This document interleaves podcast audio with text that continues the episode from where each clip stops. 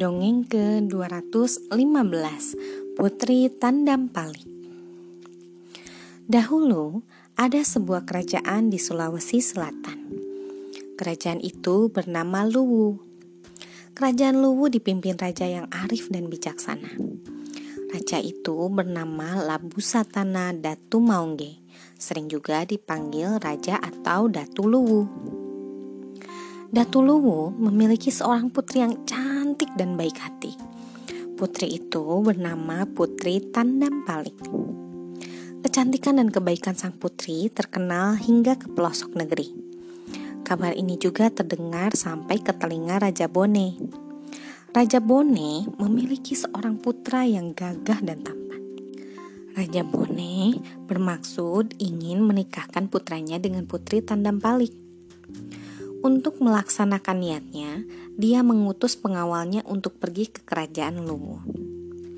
Ketika mendengar utusan Raja Bone akan datang, Datu Luwu sangat bingung. Menurut adat Luwu, seorang putri dari Luwu tidak boleh menikah dengan lelaki di luar sukunya.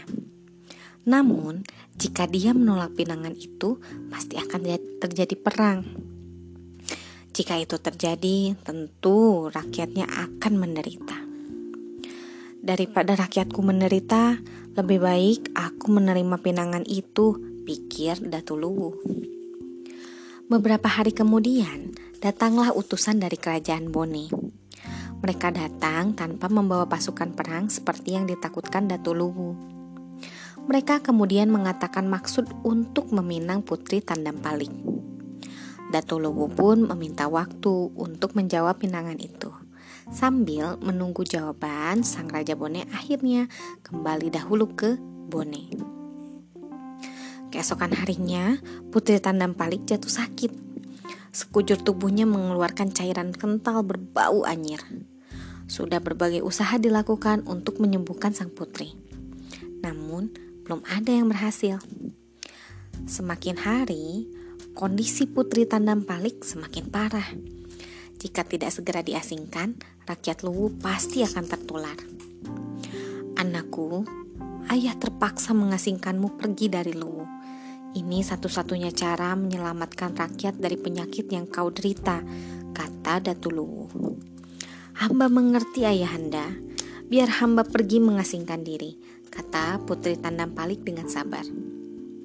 Akhirnya Putri Tandam Palik pergi dengan ditemani pembantu setianya. Sebelum pergi, Datu Luwu memberikan sebuah keris pusaka kepada Putri Tandam Palik. Setelah berlayar beberapa bulan, sang putri dan pembantunya tiba di sebuah pulau. Mereka pun memutuskan untuk tinggal di pulau itu. Pulau itu lalu diberi nama Wajo. Suatu hari, sang putri sedang duduk di pinggir danau. Tiba-tiba dia melihat seekor kerbau. Sang putri pun mengusir kerbau itu. Dia takut kerbau itu memakan sayuran di kebun. Semakin diusir, kerbau itu semakin mendekati sang putri. Lalu kerbau itu menjilati kulit, sang putri yang sakit.